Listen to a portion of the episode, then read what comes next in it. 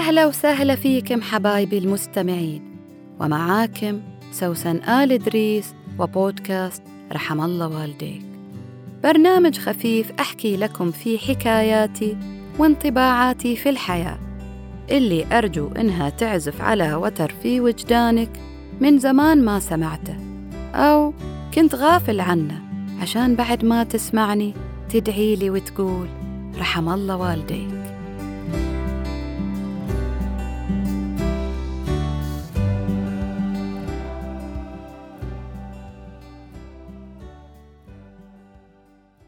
لا أحب الأفلين.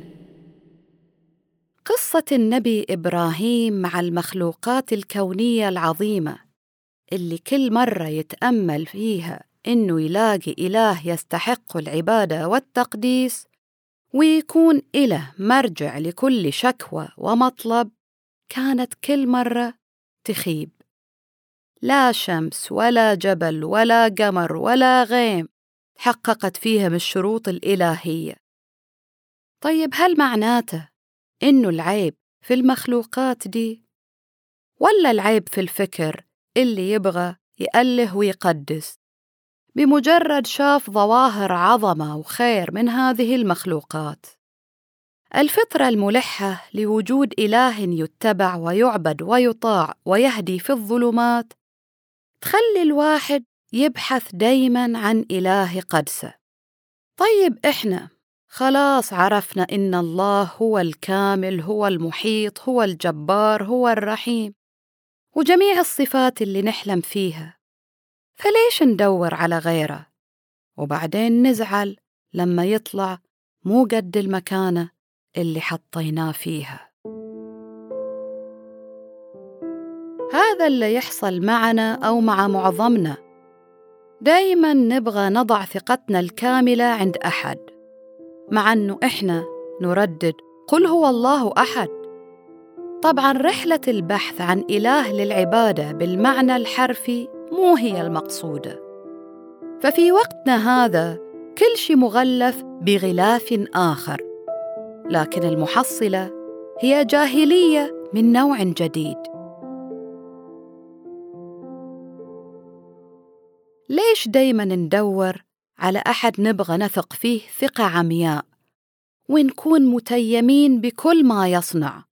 ونوصل لدرجة إنه نبرر له لما يصدر منا خطأ ما يعجبنا.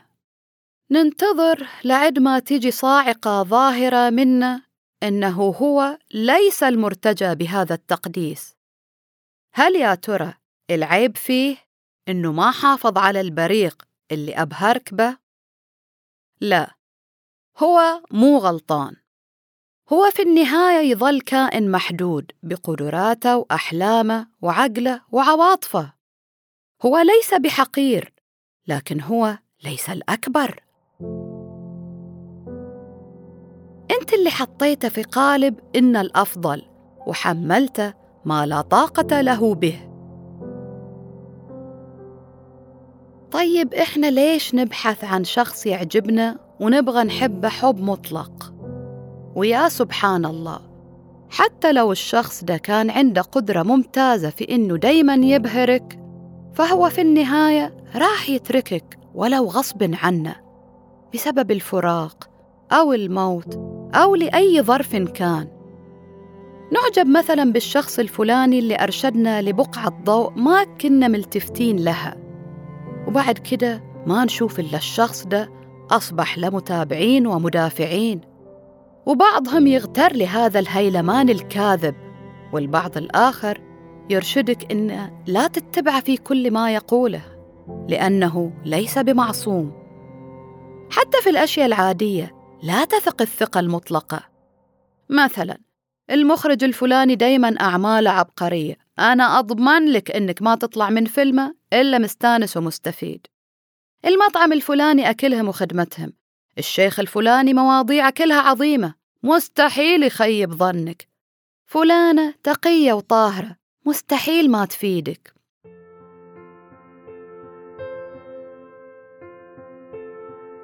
حلو إنك تقدر أعمال الأشخاص ومجهودهم وتمدحهم عند غيرك على حسب مقدار التعامل اللي أنت تعاملت معهم.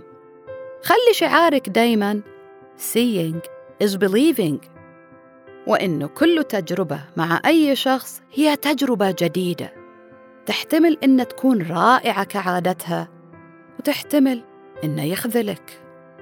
ووضع الاحتمالات مع الأشخاص والظروف له فوائد عدة. من أهمها إنك تبتعد عن التبعية وإنك تحط وجدانك وعقلك وروحك في المقام الأول. وتؤمن بإحساسك وتجربتك أنت الشخصية. لأن الإيمان المطلق بقدرات هؤلاء الأشخاص بيخليك تزعل وتنصدم وبتحس بشعور بعدم الأمان إنك سلمت قلبك وثقتك بالكامل لهم. هم ما هم سيئين هم رائعين ولهم أعمالهم المدهشة. لكن مع ذلك قيم كل تجربة بحد ذاتها. وقول ما شاء الله عليه أبدع هالمرة. ولما ما يعجبك بكل ود واحترام قول له أو قول لنفسك أنا ما أتفق معك. الفائدة الثانية إنه لا تخلقوا لنا فراعنة الله الغني عنهم. ما تنوس وحدة تسوي عمل جيد إلا فرشوا ليها السجادة الحمرة تمشي عليها وإنه هي بس والباقي خس.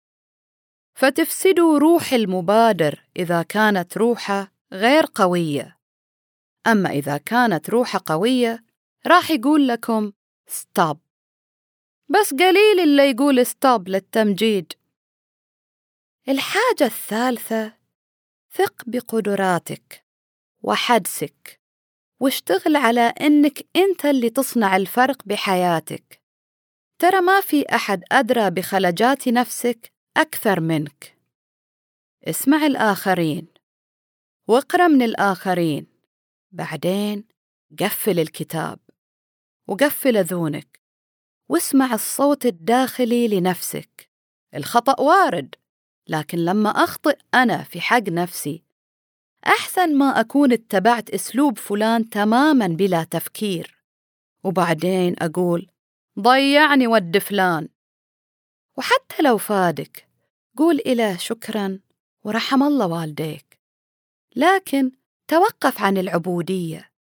فاللي يستحق عبوديك وإعجابك هو الواحد الأحد الفرد الصمد اللي نفخ من روحه فيك لتتفرد بفكرك عن تصنيم ما هو فاني. ونقول لكل من تفرد بفكره ليصل إلى ما يرتاح له وجدانه ونبذ عنه تفكير القطيع الذي يريد شخصا يتبعه بلا وعي. رحم الله والديك.